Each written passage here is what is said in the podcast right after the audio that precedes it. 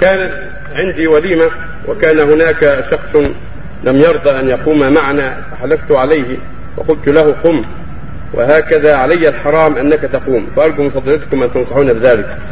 ما يجوز الإنسان أنه يحرم ما ما أحل الله. يقول علي عليك أن تفعل كذا علي, علي الحرام أن تفعل كذا وعلي الحرام أن لا تفعل كذا. وعلي الحرام من أكل طعامك أو شرابك أو دارك أو لباسك لا.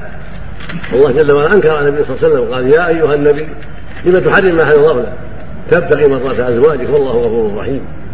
فليس للناس يحرموا ما أحل الله. وإذا فعل الإنسان هذا فعليه التوبة وعليه كفارة يمين.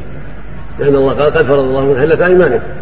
فإذا قال عليه الحرام ما يأكل كذا عليه الحرام ما يزور فلان عليه الحرام ما يأكل ذبيحتك عليه الحرام ما يدخل بيتك هذا من باب تحريم ما الله وحكمه حكم اليمين. فعليه كفارة اليمين إذا فعل ما حرم أنه لا يفعله.